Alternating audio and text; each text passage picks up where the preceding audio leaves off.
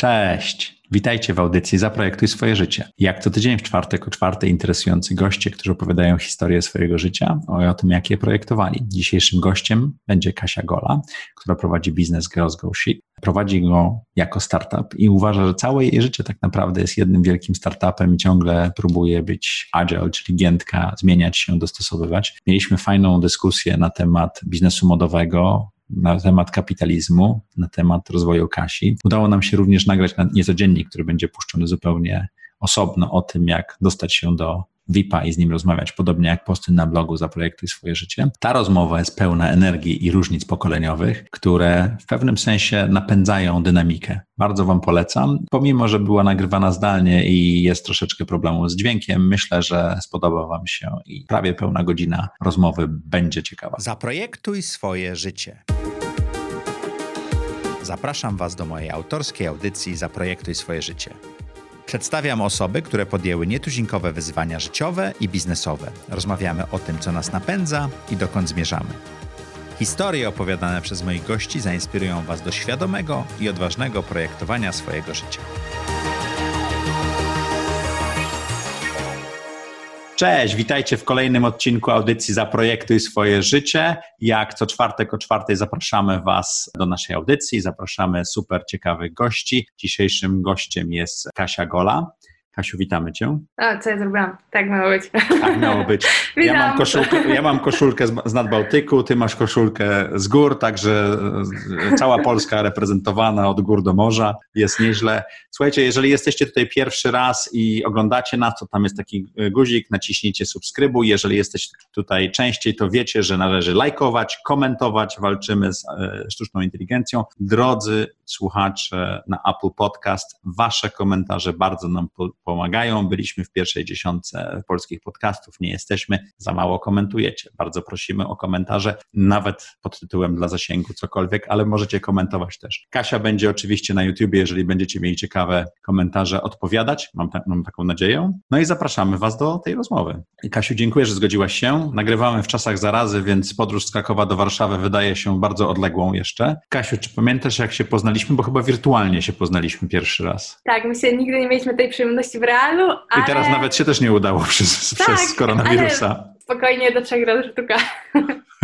To było, to było, chyba to było rok temu jakoś. E, ty dałeś komentarz, włożyłeś kij w mrowisko w ogóle, bo dałeś komentarz, że jakaś pani miała takie fluffy klapki, takie futerkowe. Tak, ja leciałem e... do Londynu i była pani prawnik ubrana od góry do kostek jak prawnik, a na dole miała coś, co wyglądało jak takie kąpielowe klapki domowe. Z futerkiem. Z futerkiem. Poszukam tego zdjęcia, tutaj wkleimy, jak się uda. To futerko jest kluczowe w tym. Tak. I, e, no i jakby po prostu włożyłeś kij mrowisko i pewnie poszedłeś na obiad. A na tym... Wsiadłem do samolotu. tak, tak. A pod tym postem pojawiło się mnóstwo komentarzy i Magda Dziewguć z Google'a jakby otagowała mnie w tym poście, że może ja się wypowiem, w końcu pracuję w modzie. W sensie, just look at me, jestem tak bardzo modowa. Od morza do gór. Od morza do gór. Ej, ale to jest w ogóle plotka, że Kraków jest w górach jak coś. W każdym razie, w każdym razie, ludzie zaczęli tam pisać, jak można chodzić w tego, tego typu klapeczkach, że o Jezus, co za gust w ogóle i wiesz, za gustem idą wszelkie inne cechy osobowości, które musi mieć taka osoba, która ubiera takie klapki. W tym momencie weszłam ubrana cała na czarno prawdopodobnie w tamtym czasie i, i napisałam, że ej, sorry, ale po pierwsze klapki nie o niczym nie świadczą. Po drugie, jeżeli się komuś podoba, to spoko. I e, w sumie zrobiłam taką krucjatę wśród, e, wśród tych komentarzy. I dyskusja zamilkła na poście. E, wiesz co, e, pojawiły się jakieś niżej komentarze, ale zauważyłam, że pojawiły się komentarze też, które jakby nawiązywały do tego samego. Bo mhm. mówmy się, i to jest bardzo aktualny temat, że e, my lubimy sobie wrzucać w szufladki ludzi pod tytułem ta osoba, nie wiem, to jest młoda dziewczyna i się lubi uśmiechać, więc na pewno nic nie wie o technologiach. Albo to jest ciemnoskóry mężczyzna, więc na pewno jest kryminalistą. Albo to jest starsza pani, więc na pewno nie to wiem. Jaką szufladką według Ciebie byłyby te klapki? W sensie szufladką, że to jest, z tych postów wynikało, że to jest jakaś osoba, która nie, nie ma gustu i, i pewnie jest jakaś taka przygłupia. W sensie taki, taki wniosek Okej. Okay. No nie, nie, to dla, mnie to dla mnie to był olbrzymi kontrast tej osoby i, i tego, tego akcesorium ubiorowego. Ale wsiadłeś w samolot, a, a post żył swoim życiem. Pani siedziała z przodu samolotu w klasie biznes, ja gdzieś przy toalecie z tyłu, także wiesz, klapki robią swoje. Ale właśnie to jest to, że my to jest jakby socjologia i psychologia. My lubimy wkładać w szufladki i ja myślę, że to jest taki błąd w ogóle systemowy i programowy ludzkości, że okazuje się, dla mnie jestem fanką jakby z jednej strony Tula, to jest taki rock, progresywny metal, z drugiej strony jestem fanką Taylor Swift, to jest pop. Taylor Swift to jest dziewczyna, która jest młodą dziewczyną, ma wartość tam ponad 300 milionów dolarów, wszystkie rekordy sprzedaży i tak dalej, i tak dalej, jest businesswoman, ale lubi chodzić na różowo i jakby śpiewa pop i wiesz. I gdybyś zobaczył taką dziewczynę na ulicy i nie wiedział, że to jest Taylor Swift, pomyślałbyś, że to jest jakaś dziewczynka, nie? W sensie nie pomyślałbyś, jakby czy jakby ludzki umysł, to jest naturalne, robi takie projekcje na podstawie jakichś tam przykładów. Właśnie, właśnie mnie szufladkujesz, żebym nie pomyślał, tak? W sensie, właśnie, nie, właśnie dlatego się z tego wy, wy, wycofałam. My wszyscy byśmy tak zrobili. Mhm. E, ale prawda jest taka, że jakby to, że na przykład ja mam bluzę dresową, o czym to świadczy? Wiem, to, że jakby jestem uśmiechnięta, o czym to świadczy? To świadczy o tym, że się uśmiecham. Na przykład właśnie, właśnie, zwłaszcza w przypadku kobiet, ja nie lubię rozmawiać o feminizmie, bo uważam, że to w ogóle to, że musi istnieć feminizm, to też jest pomyłka, ale to jest ważne, że istnieje. Statystyki mówią, że my chętniej e, hejtujemy kobiety na przykład na YouTubie, albo chętniej dajemy im kciuk w dół na YouTubie, że w, w istnieje coś takiego jak neuroseksizm i dużo osób właśnie uważa, że kobieta jest, um, że kobiety są nieinteligentne, podczas gdy ja na przykład miałam drugie miejsce w studenckim Noblu na GH, więc tam było kilka tysięcy facetów, mhm. którzy mogli mieć to drugie miejsce, a nie dostali tego drugiego miejsca, więc to, że nie wiem, ja bym ubrała klapki futrzane, które też miałam w pewnym momencie, bo to samo od mamy, ale wiesz, e, to, że ja wyglądam tak czy tak, że chodzę w dresach, czy coś, czy, czy jestem kobietą, czy jestem stara, czy, czy mam czarną skórę, czy mam białą skórę, czy jestem fioletowa, to nie powinno mieć, a niestety ma, i to jest czasami silniejsze od nas, wpływ na nasze oceny.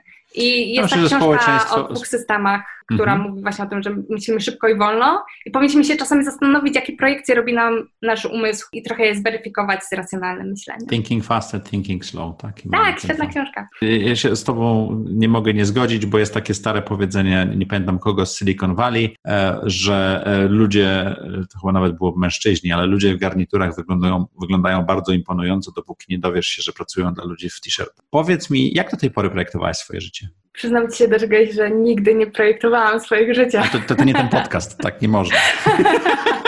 Nie, tak serio to, tak serio to, e, to jest dobre pytanie, bo człowiek raczej o tym nie myśli, w sensie ciężko, my nie mamy tej perspektywy, że już kiedyś żyliśmy i pamiętamy to życie e, i możemy sobie powiedzieć, okej, okay, dobra, zrobiłam to w ten sposób ostatnim razem, więc teraz zrobimy to inaczej. To nie jest kariera czy cokolwiek, to nie jest projekt tak naprawdę, mhm. E, ale można robić retrospekcję i można się uczyć o sobie jakby i, i jakby widzieć pewne cechy sobie i te cechy powiedzmy zauważać w przyszłości i zauważać, że powiedzmy, nie wiem, ta moja cecha czy ten mój sposób zachowania gdzieś wpływa na, na moje projekty czy na, na moje życie prywatnie.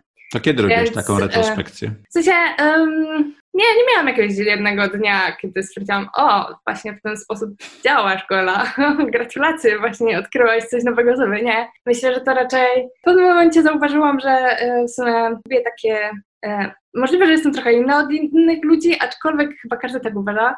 Zauważyłam, że, e, że jeżeli jestem w jakimś systemie szkolnym, na przykład nie wiem, w podstawówce, czy w gimnazjum, czy w liceum, to, czy na studiach, to lubię się gdzieś tak wyrwać troszkę z tego systemu i działać troszkę z boku i to jest taki mm, powielany przeze mnie e, jakaś taka matryca, po której chodzę, że jeżeli na przykład byłam w szkole, to robiłam projekty, które sprawiały, że nie musiałam pisać e, testów, sprawdzianów, czy, czy jak byłam na studiach, to raczej w pewnym momencie stwierdziłam, że te studia nie są, w sensie studia miałam fajne, ale nie jestem super w studiach, więc może zajmę się czym innym. Czyli robisz taki, to się nazywa life hacking, tak? Jak Tim Ferris nas uczył. Trochę. Możemy tak nazwać. Ja Przyspiesza, myślę, przyspieszając pewne rzeczy. Myślę, że po prostu nie do końca się odnajduję w systemach i zawsze próbuję sobie znaleźć coś swojego troszkę w systemie, a trochę z boku, żeby nie działać nielegalnie, ale z drugiej strony, żeby też jakby znaleźć swój sposób na to, co się dzieje w życiu, nie?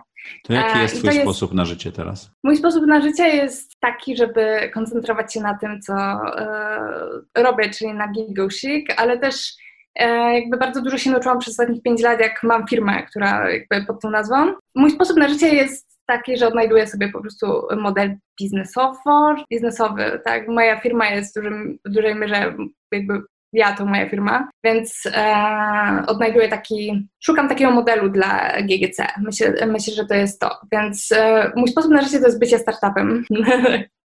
Ciągłe? Tak, i myślę, że to jest najlepszy, najlepsze, co do tej pory odkryłam. W sensie, może za 10 lat powiem Ci co innego, ale wydaje mi się, że e, codziennie się powinniśmy uczyć od, i oduczać i jakby codziennie startujemy. W moment, w którym powiem, że jestem od czegoś ekspertem, to jest taki moment, kiedy powinnam chyba przejść na emeryturę albo zająć się czym innym. Przeszedłem na emeryturę 5 lat temu, wiem co to jest. Ale widzisz, że jakby ciągle jesteś startupem, tak?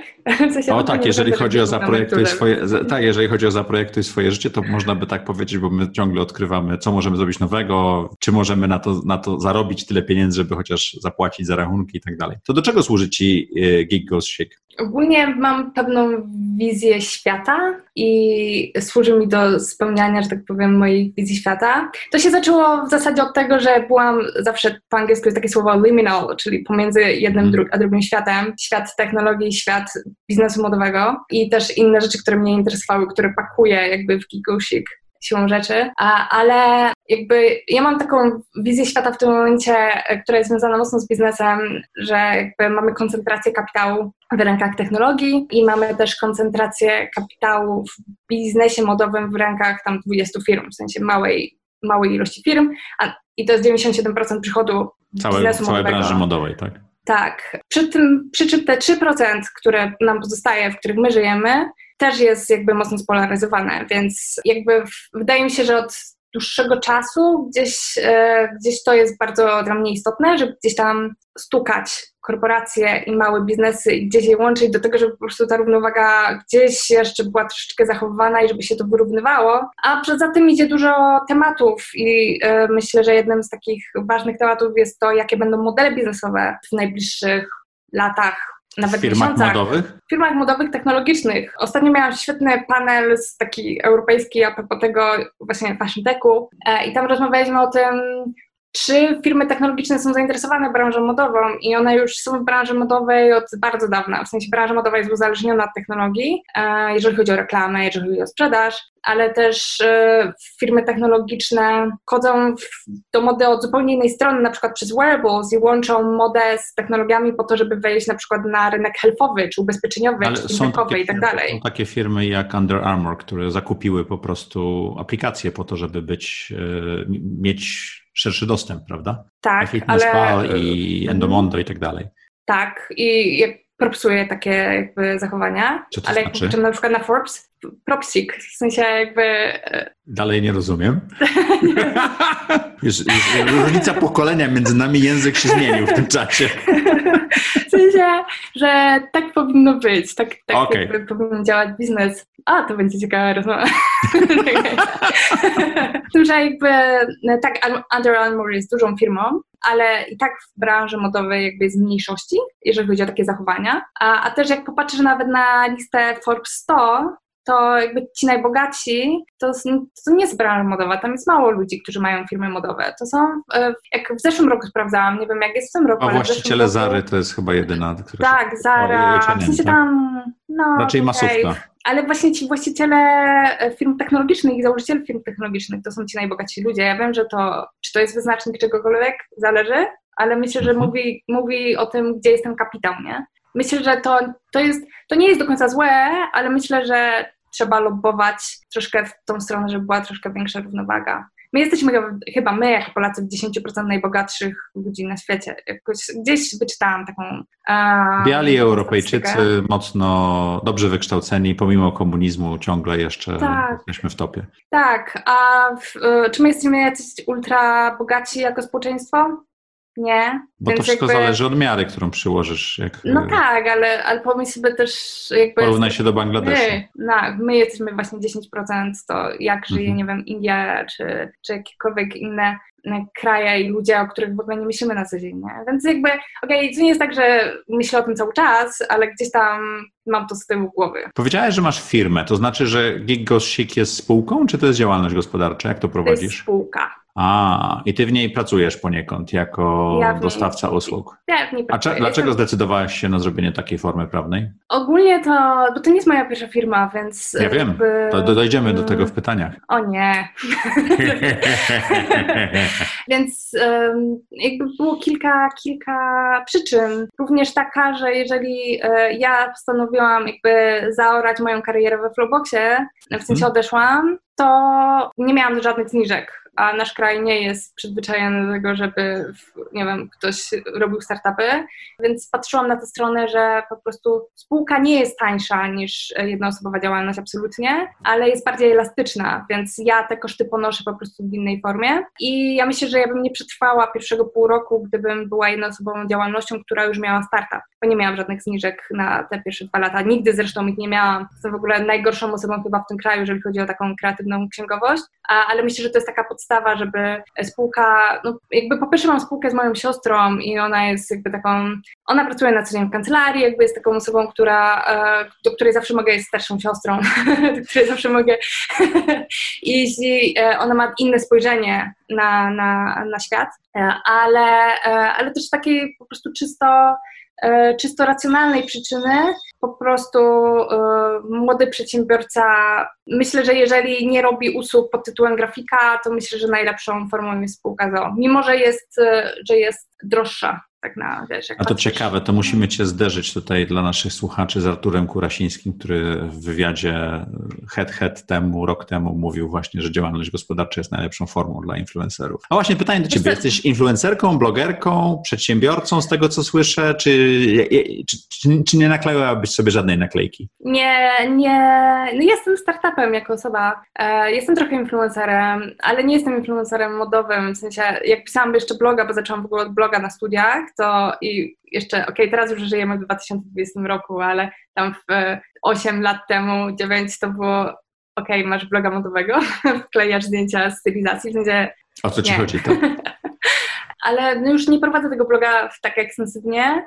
Więcej, e, więcej robię wideo, dużo pracuję z community i dużo mówię ogólnie, dużo e, robię takiego konsultingu. Mhm. Czasami mi się zdarza zrobić coś fajnego jakby na skalę europejską, nawet jakby z takimi fajnymi, firmami, e, ale więcej pracuję z firmami technologicznymi niż z firmami modowymi. Miałam projekty od bycia twarzą globalną konwersa po setupowanie firmy technologicznej w Krakowie, więc Teraz współpracuję to, to... z firmą, która robi AR dla, dla retailu. To jest taki mój, e, poza moimi projektami, taki mój główny. AR dla tych, co nie wiedzą, to augmented reality, czyli takie patrzenie przez telefon, żeby zobaczyć jak w tym ciuchu się człowiek będzie wyglądał bez ubierania. Tak upraszczam, tak? Upraszczam bardzo. Um, to na czym zarabiasz? Dużo mówię. I ludzie za to płacą? Tak, e, dużo mówię. Muszę, się, muszę przyjść na korepetycję. Wiecie, ja mogę do Ciebie przyjść na korepetycję. Dzielę się know-howem i mhm. jakby w projektach fizycznie, czyli takich hands-on projektach, jak i też e, czasami po prostu ktoś mi płaci za to, że idę i, i przez pół godziny, godzinę mówię o na przykład nowych, biznes, nowych modelach biznesowych dla hmm. branży technologicznej czy modowej, w sensie jakby wiesz. Czyli za wystąpienia myślę, publiczne w pewnym sensie, czy bardziej w, w mniejszym gronie? Za e, w mniejszym gronie, raczej konsultingowo. Okej. Okay. Jakie to są stawki? Moje stawki się wahają od 100 zł za godzinę do 3000 za godzinę, 3 okay. do 5. Zależy okay. od tego. Czyli z tego, z tego da się żyć? Z tego da się żyć, aczkolwiek to nie jest proste. O, matko boska, e, to nie jest prosta, prosty biznes. Są momenty, kiedy jest naprawdę jakby flow, ale mhm. są takie momenty, kiedy ja postanawiam na przykład zrobić coś swojego i wtedy mam ten struggle startupu tytułem, że musimy jakby wybadać model tego projektu, na przykład Chic University, to jest dla mnie, to jest e, mm, edukacja dla branży modowej on demand, bo widzę, że ok, są fajne kursy, na przykład na Łazarskim jest fajne, są fajne studia podyplomowe, zresztą jestem wykładowcą tam, ale e, jakby nasza branża modowa nie jest wyedukowana w ten sposób, żeby robić dobrze biznes. Brakuje tego. Więc e, to jest taka nisza, w którą postanowiłam zainwestować trochę czasu i pieniędzy i robię to ze świetnymi ludźmi, aczkolwiek to jest taki prawdziwy startupowy ból, gdzie wiesz, masz już doświadczenie zbierane przez 10 lat w startupach, w projektach z klientami, w agencji, w, w ogóle we wszędzie, gdzie się dało, ale okazuje się, że i tak cię jest w stanie zaskoczyć wiele tematów. Zresztą myślę, że dobrze rozumiesz to przy tym projekcie, w którym. Ale zaprojektuj swoje życie tak, co chwilę mnie zaskakuje. I to pozytywnie i negatywnie. Ja odkryłem na przykład dość niesamowitą rzecz, że mój e, cotygodniowy humor zależy od tego, jak popularny jest odcinek. Że e, wbrew pozorom, nawet nie jakość odcinka, tylko popularność odcinka powoduje, że jestem albo ćwierkający, albo mówię, kurczę, coś zrobiłem. I to jest niesamowite, Ludzie, że... oglądajcie ten odcinek. Tak, Chcemy to Maciek będzie chodził uśmiechnięty. Słuchaj, ale wspomniałaś e, dwa doświadczenia, o, o których chciałem się dopytać. Co dała Ci praca w agencji K2? Bo to prawie dwa lata Twojego życia było. Tak, ojoj. W sensie ja tam w ogóle poszłam, dlatego że na studiach właśnie, tak jak powiedziałam, ja jestem taką osobą, która trochę się trzyma z boku, więc robiłam projekty, współzałożyłam taką organizację, która się nazywa KSAF i to jest organizacja fotograficzna. E, tam się trochę bawiłam jako fotograf freelancer i należałam do koła naukowego, w którym koncentrowaliśmy się na programowaniu i efektach specjalnych w filmie. E, I e, w związku z tym jakby miałam trochę i mam do tej pory spatrzone pojęcie pracy i moja etyka pracy się w ogóle jest trochę chyba inna niż normalna. Przedsiębiorcze pojęcie pracy chyba, tak? Może, może, e, ale jakby nie sądzę, żeby to było lepsze, tylko po prostu jest troszkę inne. Mhm. I no, wiesz, byłam jakby na studiach i stwierdziłam, że nie, jakby nie wiem jakby kim jestem w tym jakby systemie. I stwierdziłam, że po prostu się sprawdzę na stażu. E, to nie był mój pierwszy staż, bo jakby zrobiłam, robiłam staże w liceum, jakby tę część swojego życia, że tak powiem, zrobiłam wcześniej, ale, ale to był taki pierwszy taka, taka wiesz, biznesowa, taka karierowa decyzja, bo e, którą podjęłam. I e, wysłałam CV. Chciałam tam pracować, dlatego że kiedyś na jakimś szkoleniu poznałam jakiegoś typa, który tam pracował i to była agencja, którą znałam. więc tak samo poszłam do liceum, dlatego że spodobały mi się korytarze w, tym liceum, więc generalnie to są też decyzje Rozumiem, że podejmujesz bardzo, swoje życie. Tak, podejmujesz bardzo przemyślane i głębokie decyzje. tak.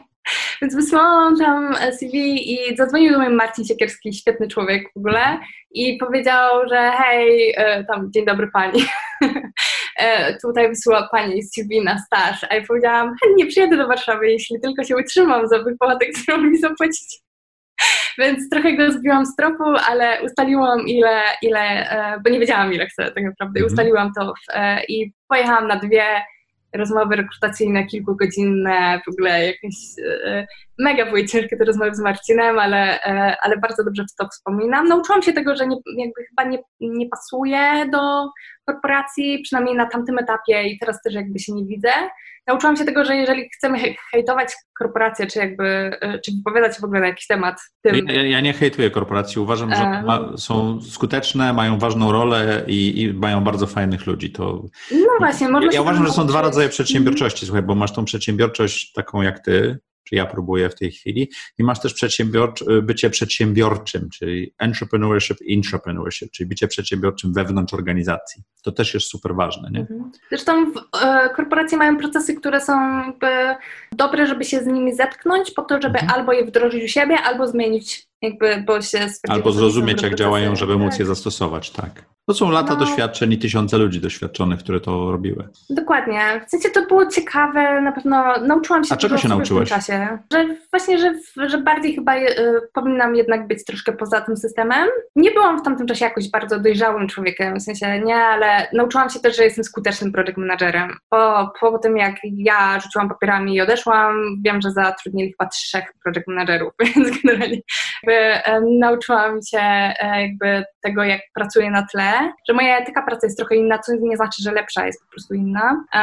Jaka, I gdzie jest ta różnica? Ludzi. A gdzie jest ta różnica w etyce pracy? Wiesz co, no, mm, ja nie jestem tą osobą, która, w sensie myślę, że nie jestem tą osobą, która rzuca pracę o 17 i raczej żyję dla projektu i dla tego, co ten, co ten projekt może przynieść, dlatego wrzucam w niego jakby więcej siebie. E, I w ogóle jak patrzę się na jakby ten biznes, który buduję, patrzę się na takie stare biznesy, typu banki, to myślę, że jakby w ogóle w tym pokoleniu kapitalizmu. My bardziej myślimy o tym CSR-ze, ale nie jako część biznesu, tylko jako core biznesu. To nie znaczy, że jestem jakimś super dobrym człowiekiem, nie? Ale, ale myślę, twój biznes ma nie tylko zarabiać pieniądze, rozumiem, tak? Mój biznes, w sensie mój biznes w moim mniemaniu, moim kasiowym mniemaniu ma w jakiś sposób zmieniać świat i zmieniać ludzi i dobrze wpływać na ludzi. I to jest core, a nie jakby dział. Mhm. Więc, um, więc to jest, to też przekładałam na swoje projekty i na przykład tam część menadżerów nie było w stanie zrozumieć, że ja kiedyś dostałam, wiesz, masz taki hype, że chcesz coś zrobić i zostałam do dziewiątej w pracy i rozpisałam projekt, e, jak może wyglądać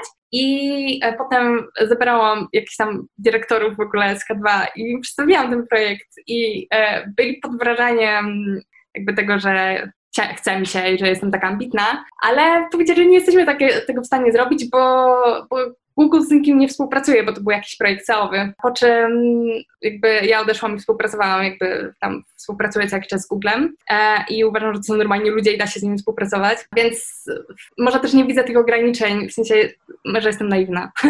Myślę, jest... No ale wiesz, no, przez to, że jesteś naiwna, otwierasz drzwi, które dla innych są zamknięte, chociaż wcale nie są, tak? E, no, myślę, że to jest, no, może, może tak. W sensie, nie wiem, nigdy się nad tym, nie zastanawiam się nad tym tak naprawdę. Okej, okay, nie, nie zastanawiam się nad wieloma rzeczami. Słuchaj, masz ciekawą, e, ciekawą wyspę, czy tam epizod prawie dwuletni również w swojej karierze, czyli Flowbox. E, ja próbowałem, bo to jest firma software'owa, język programowania i kupę innych rzeczy, taki mocno, właśnie mocno geek, bym powiedział, tak? Mhm. Skąd się tam wzięłaś? Co ciebie to nauczy, czego ciebie to nauczyło? Co stamtąd wyniosłaś? Mówiłeś, że zostawiłaś, to... mówiłeś, że zostawiłaś to zresztą tak dzień. to byłam w kole naukowym, o którym wspomniałam, na GH. Mhm. Przez większość moich studiów byłam w tym kole, nawet jak już mieszkałam w Warszawie, w sensie ja mieszkałam w Warszawie, studiując dziennie w Krakowie. I to było koło poświęcone programowaniu i efektom specjalnym. I e, jeden kolega z tego koła miał pomysł, bo on pracował w Alverni Studios i miał pomysł na to, mhm. że właściwie ten software jest e, zły, bo nie jest dostosowany do chmury i przydałby się jakby taki język programowania, w którym artyści mogliby sami jakby tworzyć. Więc wyszliśmy od tego języka programowania jeszcze w K2, więc były dwa i pół roku e, w sumie, nawet równo chyba jeszcze w K2 pracowaliśmy nad tym e, projektem. No i potem po prostu rzuciłam papierami i zastanawiałam się przez dwa tygodnie, w sensie na, na dwa tygodnie rzuciłam Flowbox po rzuceniu K2, w sensie jakby czy chcę, e, czy chcę kontynuować ten startup. No i założyliśmy startup w 2013, założyliśmy spółkę w trzy osoby, właśnie z tym Wojtkiem i z takim Piotrkiem, jego kolegą znowu. E, no i to była naturalna dla mnie ścieżka, zresztą dla mnie właśnie ten zarówno programowanie, jak i e, efekty specjalne, też z racji tego, że teraz się współpracuję pracuję z tym aerowym startupem, to jest dla mnie bardzo bliski temat. No i co, to była lekcja życia ogólnie absolutnie, e, absolutnie bardzo ciekawe doświadczenie, mm, zarówno jakby personalne, jak i takie biznesowe. E, I wiem, że jak założyłam, e, to było w ogóle w czerwiec 2015, jak założyłam firmę na Gigo Chic, to pierwsza moja myśl jest taka, że pierwsze co zrobię w tej firmie, to wystawię fakturę. Bo startupy, wiesz, my, e, mieliśmy takie jeszcze, nie wiem jak teraz myślą startupy, w sensie za, różnie wiem, ale e, my mieliśmy to myślenie, że właśnie musimy mieć tą inwestycję i coś tam, coś tam, coś tam, nie? Więc jakby to było takie istotne, e, ale ja myślę, że nie tak powinien wyglądać biznes i startup powinien być gotowy mentalnie no, na to, żeby mieć inwestycje. I, i też to nie jest jedyna ścieżka. I myślę, że dla niektórych startupów to jest ten plan Z, a nie ABC. W sensie jakby e, firma powinna zarabiać. Najlepszym sposobem finansowania są klienci, prawda? Dokładnie. To znaczy, jakby to ty masz inwestorów? Się... Czy masz w inwestorów gig gości? Mm, nie, moim inwestorem jest moja siostra, która po prostu jest i czasem mi pomaga e, i jakby jest e, wspólnikiem w mojej firmie, ale nie, nie. Czy zarabiasz, I... czy zarabiasz na klientach? Jesteś w stanie utrzymać no, tę firmę i jej rozwój dzięki klientom? Ponoć już właśnie 5 lat to jest ten moment, kiedy w, w, do 5 lat chyba większość firm upada, nie? Tak jakoś, akurat stuknęło. No ja zauważyłem, wiesz, ja mam 30 parę e, startupów w swoim portfelu, w sensie mm. wydałem na nie jakąś część mojej ciężko zarobionej gotówki I, i właśnie zauważam, że między piątym a dziesiątym rokiem te firmy się stabilizują, w sensie takim, że zaczynają przynosić jakiś dochód, on czasami jest e, rozczarowujący i to nie jest wielka firma, mm. ale taki, że jest powtarzalny, rosnący pod określonym procentem. Może to być 5%, może to być 305%, ale chodzi mi o to, że jest to coś do zrobienia i koło 10 roku to już są takie porządne firmy, które już, już dużo musiałoby się wydarzyć, e, żeby się wywaliły. Nie? To, to zazwyczaj są więcej niż jednoosobowe firmy, więc to jest pytanie też jak bardzo, bo ty sama pracujesz, czy też masz osobę? Co, ja jestem gigusik, ale właśnie moja siostra jest mega istotna, ona jest udziałowcem, jakby jest mega mhm. istotnym udziałowcem, więc to była taka naturalna decyzja. Ale ona nie generuje dochodu. Wiesz, no ja robię w niej biznes, ale jakby myślę, że kilka projektów na pewno by się nie wydarzyły, gdyby nie mhm. Gosia. Mam kolegę, który jest super potencjalnym co-founderem dla mnie, bo wiesz, musisz mieć tę osobę, którą czujesz, że chcesz z nią pracować. To nie mhm. zawsze jest, nie zawsze to będzie kolega, którego lubisz, czy koleżanka, którą lubisz, bo nie, nie. Ale mam takiego kolegę, z którym robię projekty, więc jakby to nie jest tak, że ja robię projekty sama, bo mhm. to by było... Jestem w stanie zrobić dużo rzeczy, bo nauczyłam się wiele rzeczy na przestrzeni ostatnich 10 lat, ale po pierwsze czasami trzeba po prostu ze względu na czas komuś coś zlecić, a po drugie, a po drugie często jest dobrze po prostu robić coś z kimś, żeby mieć też te, ten power do mhm. projektu, więc na przykład Gigosik University robię, y, University robię z tym Pawłem i więc, więc to tak wygląda, więc to jest jedna firma, ale jakby pod jej parasolem, jeżeli mam jakieś projekty, to robię je z różnymi osobami. Więc potencjalnie kiedyś jakiś projekt może być spin-offem z, z GGC e, i stać się jakby... E, Niezależną firmą czy tam biznesem, tak. tak? Powiedziałeś bardzo mądrą rzecz i ciekawą, że nie trzeba, e, wiesz, być zachwyconym swoim wspólnikiem, czego bardzo lubić, ale trzeba go mądrze dobrać. Na czym polega to, jak dobierasz wspólnika?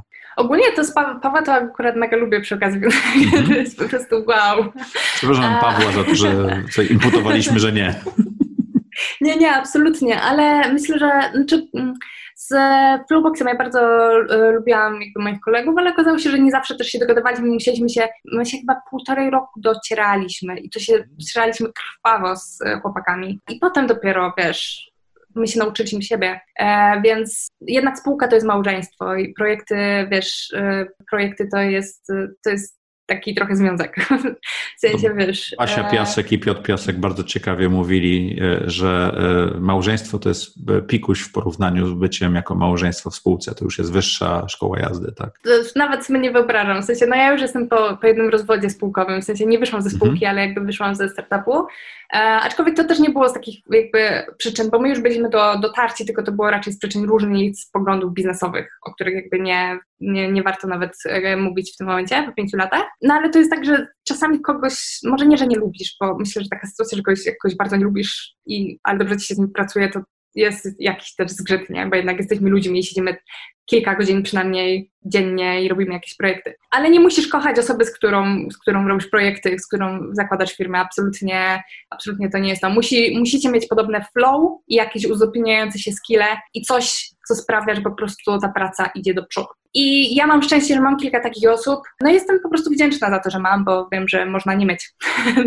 Tak, jeśli chcecie więcej o dobieraniu wspólników, zapraszam do odcinka 60, gdzieś dość, dość dużo o tym mówię, bo mówię generalnie o startupach, ale zgodzę się z Tobą, to jest jedna prosta zasada, że, że trzeba mieć różne doświadczenia i różne skille, ale podobne wartości jako wspólnicy. Jak ma, bo, bo, bo, nie o to chodzi, żeby wszyscy byli programistami i myśleli różnie, o to chodzi, żeby wszyscy potrafili robić co innego, ale myśleli podobnie. I to jest to docieranie się, o którym mówiłeś, prawda?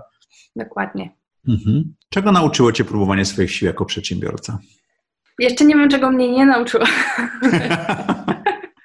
Znaczy, nie, absolutnie jestem, dużo nie, dużo nie wiem, e, ale e, no myślę, że na pewno dużo mnie o sobie nauczyło i nauczyło mnie, jakby widzę błędy, które nie są błędy, lekcje, które jakby sama sobie zadałam pod tytułem pieniądze, które mogłam inaczej wydać, albo inaczej zainwestować, mhm. albo po prostu zainwestować, albo cokolwiek. Ogólnie myślę, że nawet y, osiągnęłam coś w Gigusik, co nie do końca jest związane z przedsiębiorczością, ale jest przy, związane z jakby z tym, czym się zajmuję. Jeżeli analizuję technologię i biznes i trendy, to częściej niż rzadziej jestem w stanie przewidzieć, jak będzie wyglądał świat za jakiś czas. I to nie, nie wynika z moich specjalnych umiejętności, czy, czy z jakichś, nie wiem, co tam się dzieje w budu w głowie, tylko to wynika po prostu z, z jednej strony doświadczenia, bo jakby jednak już jestem 10 lat na rynku od od K2, to już 10 lat? No, 9. Ale przedtem byłam fotografem freelancerem, więc można mówić, że 10.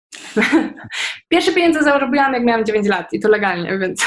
Ale jakby doświadczenie z jednej strony, ale z drugiej strony umiejętność jakby oduczania się rzeczy, to mam. Gdzieś mam jakąś taką naiwność, to mi daje takiego skilla, że na przykład jeżeli coś mówię na swoim toku, to potem sobie wracam do tego toka i, i myślę, o kurde gola, to jest bardzo creepy, co właśnie tu się wydarzyło. W sensie na przykład wróciłam sobie do swojego toka z grudnia 2019, gdzie, gdzie jedno z moich pierwszych zdań było, że 2020 będzie chaos.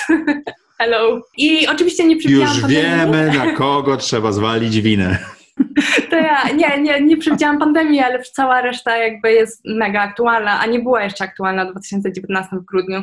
Więc e, to jest trochę creepy, ale to nie bierze się jakby żadnych creepy umiejętności, tylko po prostu z, z takiego doświadczenia i takiej chyba otwartości, naiwności. A też patrzysz do przodu, więc widzisz trochę więcej, prawda? No, no. To słuchaj, to powiedziałaś, powiedziałaś ważną rzecz, że ty potrafisz spojrzeć na coś i, i, ocenić i dać dobry feedback i coś jeszcze. Ja jestem inwestorem w Hubstyle, to jest spółka giełdowa, która ma dwie marki, Cardio Bunny i Sugar Free. Zainwestowałem przy pewnej kwocie, jestem tam chyba dość znaczącym inwestorem, bo się łapię na, nawet na raportowanie do e, KNF-u. Co byś mi radziła? Jeżeli chodzi o spółki, to bym radziła im transparentność, bo ostatnio mamy tę kulturę anulowania, która nie bierze się znikąd, ale jest okropnym zjawiskiem w naszym społeczeństwie. Jeżeli jest chodzi kultura o, anulowania? To jest właśnie cancel culture, to znaczy, że nie wiem, Jessica Mercedes zrobiła coś źle, więc po prostu cały gówno w internecie się leje na Jessica Mercedes. Mhm. E, I to się, to się dzieje i to się będzie działo. E, ale jeżeli chodzi o taką biznesową stronę dla, e, dla tych spółek, próbowałabym nowych modeli E, na nie tylko sprzedażowych, e, na przykład rentalowych, na przykład e, odkupowania ubrań od swoich userów, w sensie swoich Trochę klientów. jak Vinted? Napra- mm, trochę jak reinwestowanie, w sensie trochę jak wykorzystywanie tego, że ma się tą społeczność. W ogóle też mhm. społeczność to jest od strony marketingowej. To bardzo ładnie pokazały mi ostatnie dwa miesiące, bo ja nie mam jakichś ultra zasięgów, nie ale jeżeli robię jakiś projekt, to okazuje się, że e, mam ludzi, którzy mają podobne wartości wokół siebie i którzy e, po prostu interesują się tymi nowymi technologiami i wiedzą jakby dlaczego to jest istotne. I mimo, że to nie są tacy ludzie, którzy, nie wiem, lajkują mi wszystkie zdjęcia i tak dalej, ale jeżeli robię jakiś projekt, to oni są zaangażowani. W sensie jakby, i to jest społeczność. E, I my w marketingu mamy bardzo słabe zjawisko pod tytułem patrzenie na Excel, który kocham, ale lajki i wyświetlenia i wszystko to ładnie wygląda, ale okazuje się, że kiedy przychodzi pandemia, to oni, e, to te lajki i wyświetlenia nie przynoszą realnych zysków, tylko tak naprawdę przynoszą lajki, wyświetlenia, a firmy, które są o wiele mniej zasięgowe i które na przykład działają w tym samym sektorze i umiały na przykład wertykalnie podejść do klienta, czyli na przykład, nie wiem, zainteresować się klientem, który jest zainteresowany gamingiem i wejść mocno w gaming, albo wejść mocno w jakiś sport, albo cokolwiek, wiesz, jakby nie w sprzedawanie kiecek albo dresów komuś, tylko w sprzedawanie jakiegoś, sprzedawanie, jakby wejście w jakiś lifestyle, w jakiś wertykal. Ale zbudowanie e, więcej to, niż jednej konekcji. Tak, e, tak, e, jakby mm, oparcie swojej firmy o community, a nie o, o, o skalowalny, w sensie skala jest ważna, ale o tym skalowalny model, który przyjmuje się w agencjach. Więc to są takie radki małe. Okay. You're welcome. Dziękuję. Będę... E, połowę jak będę miał, a połowę jak będę chciał. Nie, ale a propos community, to mnie na przykład zaskoczyło to, bo nam spadły zasięgi w audycji za projekty swoje życie, jak, jak zaczęła się padać. Zresztą całe podcasty, Spotify, to wszystko ludzie wy, wyłączyli słuchanie, skupili się na, na newsach i tego typu rzeczach. Um, no i finansowo też to, to były jakieś kroki. Otworzyliśmy Patronite'a, Zresztą zapraszamy Was bardzo serdecznie, patronite.pl łamane przez ZTZ y, i tam znalazło się od razu bardzo dużo osób, znaczy nie bardzo dużo, relatywnie niedużo, bo to jest dwadzieścia kilka osób, ale jesteśmy, jeżeli chodzi o sumę zebraną, jesteśmy w pierwszej setce osób na Patronite, co mnie bardzo zaskoczyło, tak? Którą możemy zrobić. Oczywiście nijak się mamy do Radio Trójka, to chyba Nowa się nazywa, tak? Czy coś w tym stylu, gdzie tam są dużo większe sumy i nawet nie mierzymy w to. Ale słuchaj, powiedziałaś o y, Jessice Mercedes y, i tej E, to się chyba Gównoburza nazywa, tak? Która się wywołała, tak? No ona jest jedną z czołowych, czy tam była do tej pory influencerek modowych w Polsce i miała swoją markę i tak dalej. Jak marka może działać po takim kryzysie? Ta szczerość i ten outsourcing do Chin i to wszystko, co robimy, to był błąd komunikacyjny, oszustwo i, i jakbyś proponowała, używając tego jako takiego case'u do, do, do, do rozdrapania, wyjść komuś z takiej sytuacji? Ogólnie ja myślę, że za rok nikt nie będzie pamiętał o tej Oczywiście. sytuacji, już się wydarzy milion innych aferek, którym będzie żył internet. E, po drugie, uważam, że właśnie to był świetny przykład na to, jak lubimy anulować e, ludzi za błąd. I tutaj dochodzę do Twojego pytania, znaczy jeszcze nie dojdę do tego pytania. To, co mnie wkurzyło, to to, okej, ludzie w internecie nie znają się na budowaniu biznesu, nie znają się na modzie zrównoważonej, nie znają się jakby na tym sektorze. oni może powinni się zastanowić, ale powiedzmy mają większą leg legitymację do tego, żeby po prostu wylewać pomyje. Chociaż nikt nie ma tej, e, tego nie powinno być, ale powiedzmy, okay? załóżmy. Troszkę więcej mamy dla nich cierpliwości. Ale jeżeli widzę profesjonalistę, który zajmuje się biznesem, który prowadzi swój biznes albo e, jest komentatorem biznesu, który emocjonalnie wypowiada się w swoim story na Instagramie albo gdziekolwiek w artykule, ja automatycznie tracę 50% szacunku do tej osoby, e, dlatego po prostu, że uważam, że taka sytuacja jest niesamowitą lekcją dla branży. Podchodzenie do niej emocjonalnie pod tytułem, o, ale przecież ona oszukała i w ogóle mówienie o kimś, że oszukała, mając na dowód zdjęcie w internecie i czyjąś opinię, to jest po prostu, no, umówmy się, że nie mamy siedmiu lat. Więc e, po prostu to, co się działo, i ja się bardzo zaangażowałam w ogóle w tę sytuację, po prostu uważam, że było karygodne i pokazało, jak bardzo niedojrzała jest e, ta branża i ci ludzie, którzy e, mówią, że są profesjonalistami w tej branży. Więc tutaj się po, trochę moja opinia na temat tego, co się stało. Ja myślę, że to jest świetna lekcja, po pierwsze dla branży, dlatego że branża powinna powinna się skupić na tym, jak po prostu nie dopuszczać do takiej sytuacji ci wszyscy, wszyscy profesjonaliści. Powinni się skupić na robieniu, a nie na mówieniu, bo mówienie jest spoko, o ile niesie za sobą praktykę i niesie za sobą coś, co można wykorzystać. A jeżeli e, ktoś mówi, że po prostu coś tam, coś tam ktoś zrobił źle, no to to nic nie wnosi do mojego życia, ani do ich życia tak naprawdę. A po drugie, to jest świetna lekcja dla Jessica. Ja myślę, że ktoś, kto ukończył podstawówkę i umie dodawać, powinien, gdyby to kalkulował, powinien to wykalkulować, że to będzie niesamowity błąd. Moje januszowanie na ten temat jest takie, że po prostu ktoś tego nie, nie wykalkulował, e, bo wiadomym jest, że burza dla Jessica jest bardziej kosztowna niż przychody z, z całego z tych, Z, tych, z, tych, z całej marki, nie? Dokładnie, zwłaszcza, że e, i tu też jest to, że mm, ci ludzie, którzy są profesjonalni, oni powinni wiedzieć, że jak budujesz firmę, to nie jest tylko to, że kupisz te koszulki i je sprzedasz. To jest to, że musisz robić e, marketing. E, I to nie jest tak, że Jessica po prostu samą sobą to sprzeda. Ona musi włożyć i zresztą wkłada to widać w jej kreacjach bardzo dużo i pieniędzy, i czasu, i energii w to, żeby jakby ten marketing się zadział.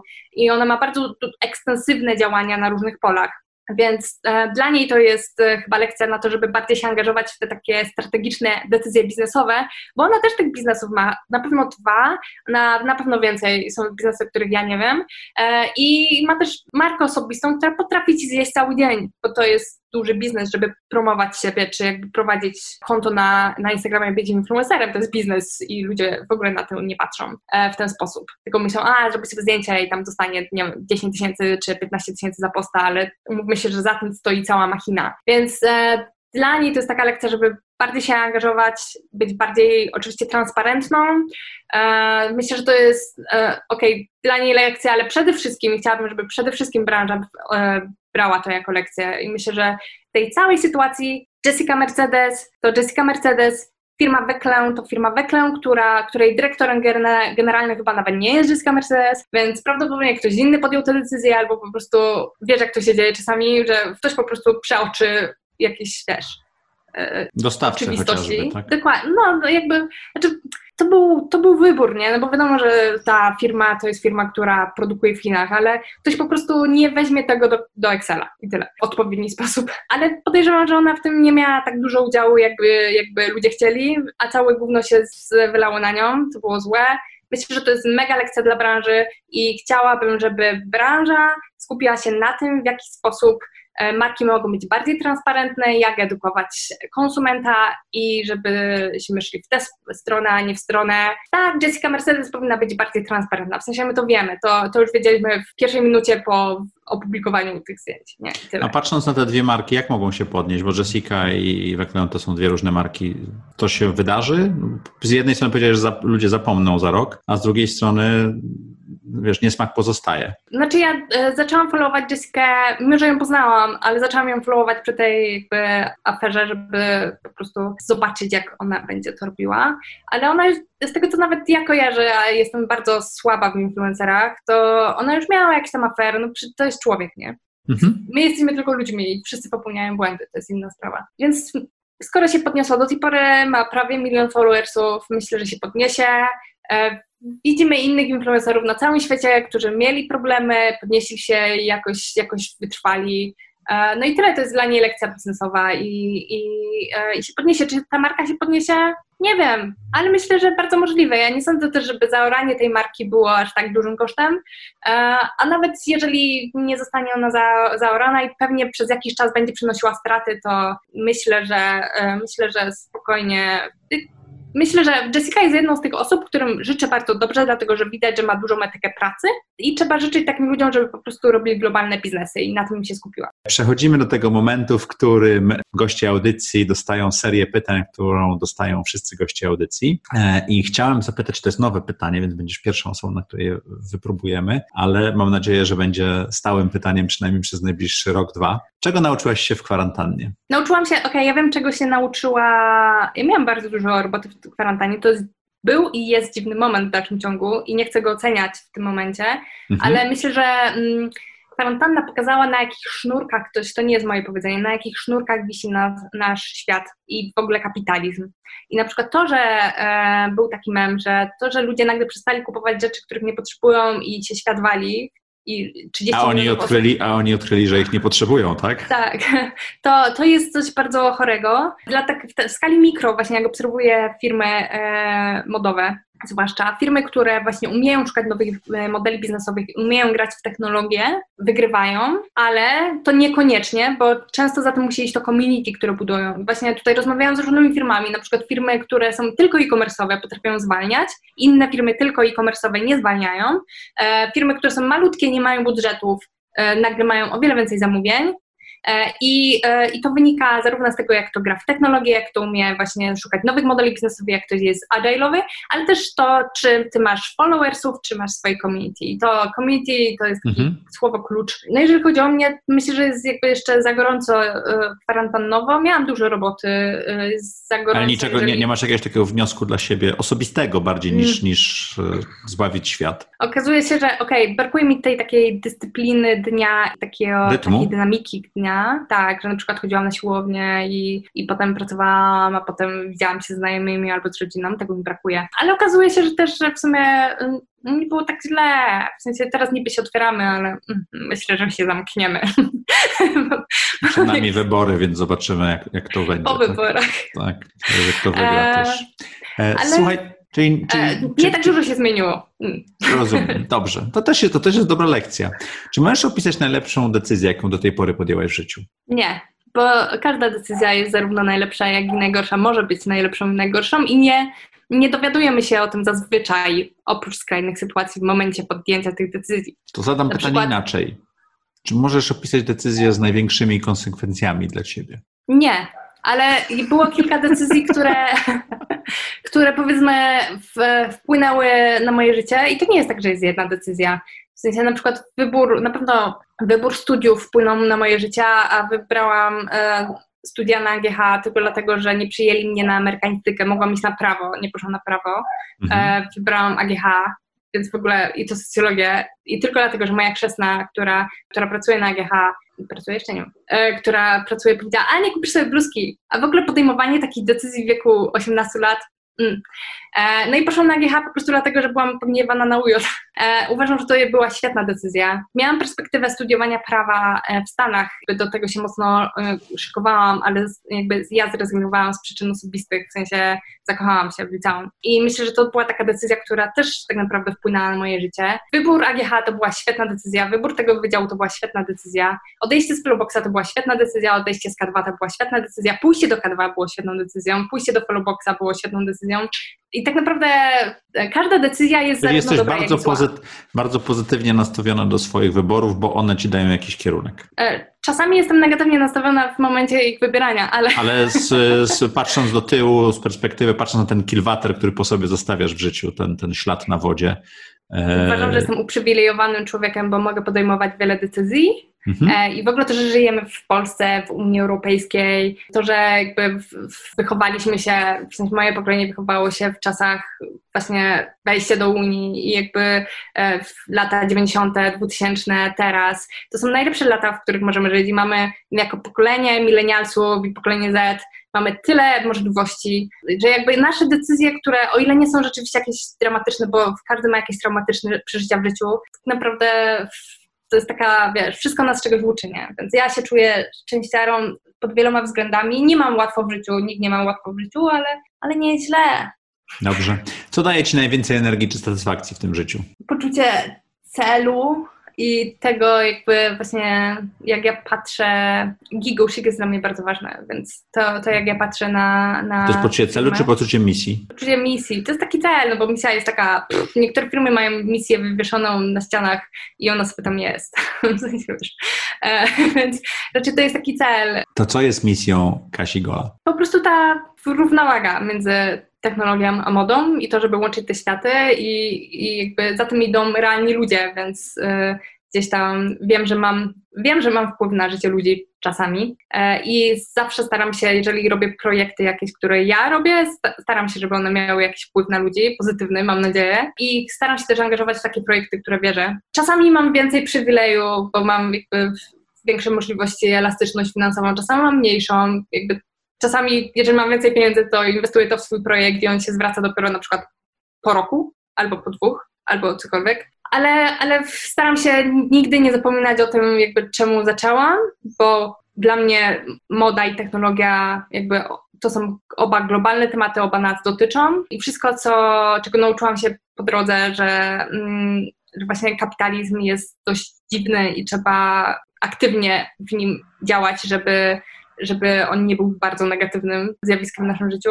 Daje mi, w sumie to mi daje dużo energii, serio. To, że pamiętam jakby skąd przybyłam, takie jak Jenny from the Black, ale w sumie mm, nie jestem specjalnie, nie jestem imprezowym typem, ale mam kilku ludzi i dla mnie moja rodzina jest mega istotna i mam kilku ludzi spoza mojej rodziny, z którymi się przyjaźnię od lat, w tym właśnie nie wiem, ludzie z Proboxa, czy ludzie ze studiów, czy ludzie jeszcze z liceum, czy po prostu jacyś ludzie spotkani gdzieś. I oni są dla mnie mega istotni, więc moja rodzina to jest taki raz przyjaciele i dwa gigosik, ale nie jako firma, tylko jako jakby coś, co mam w głowie. Kasia odpowiada na przyszłe pytania, których jeszcze nie zadają, to też jest dobre. O.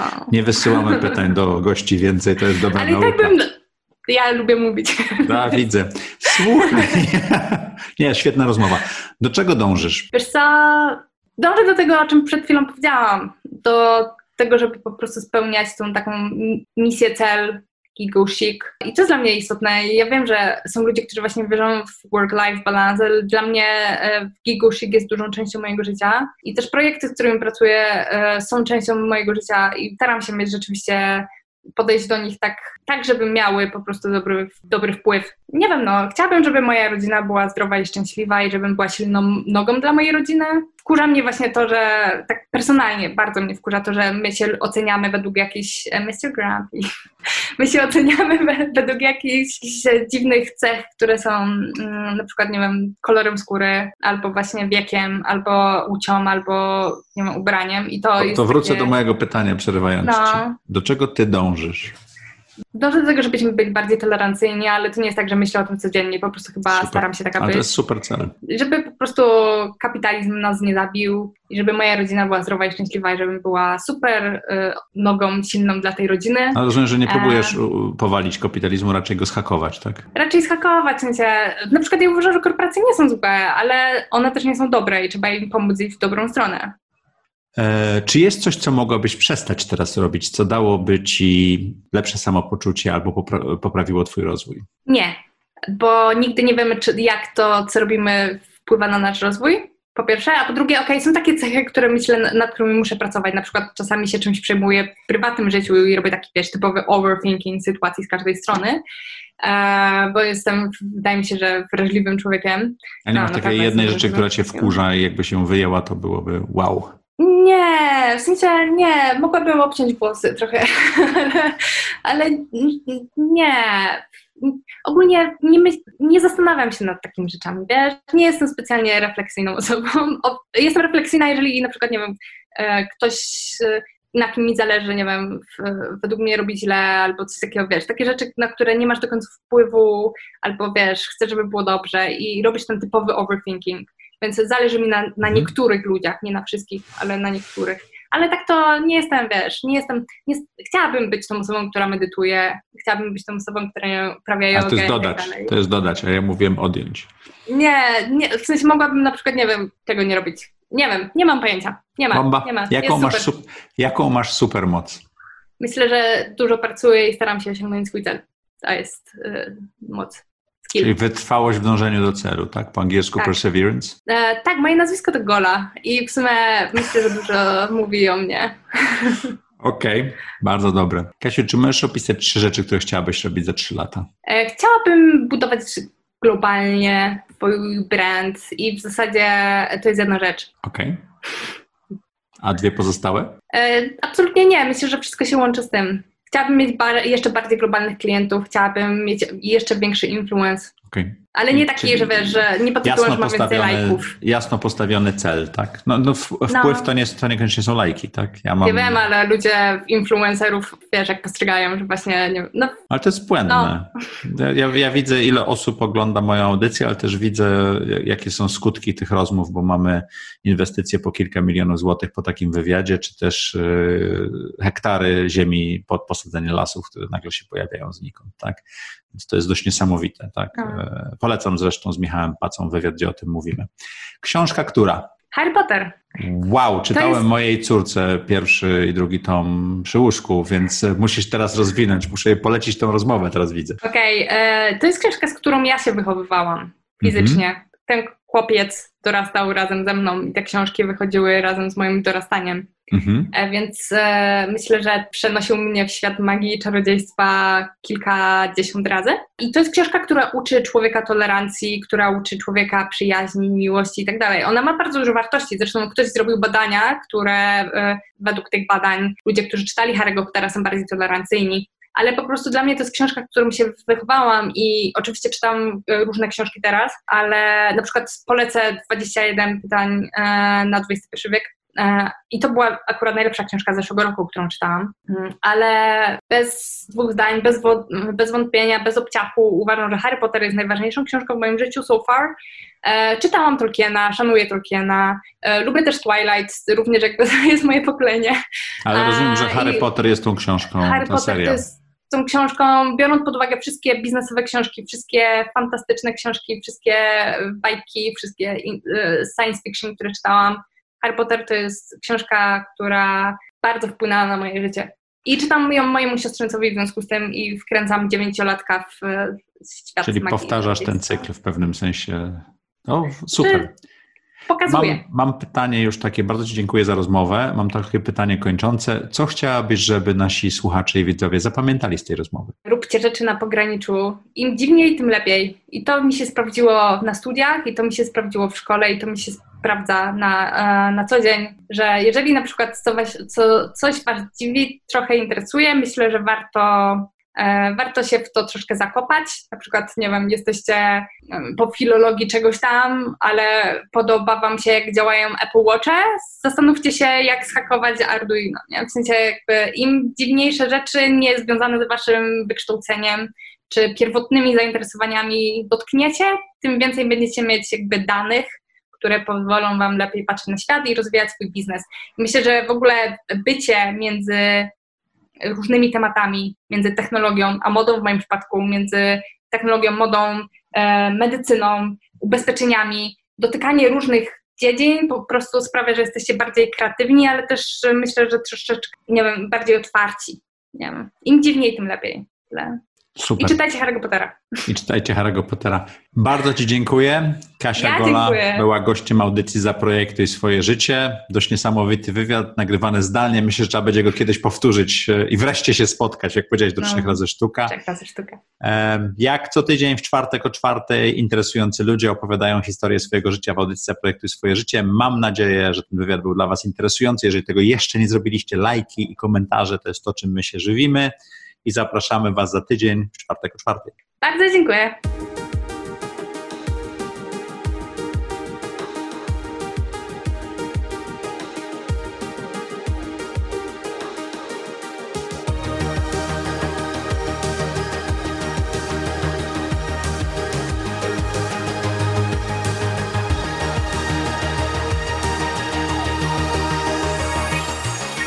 Zaprojektuj swoje życie.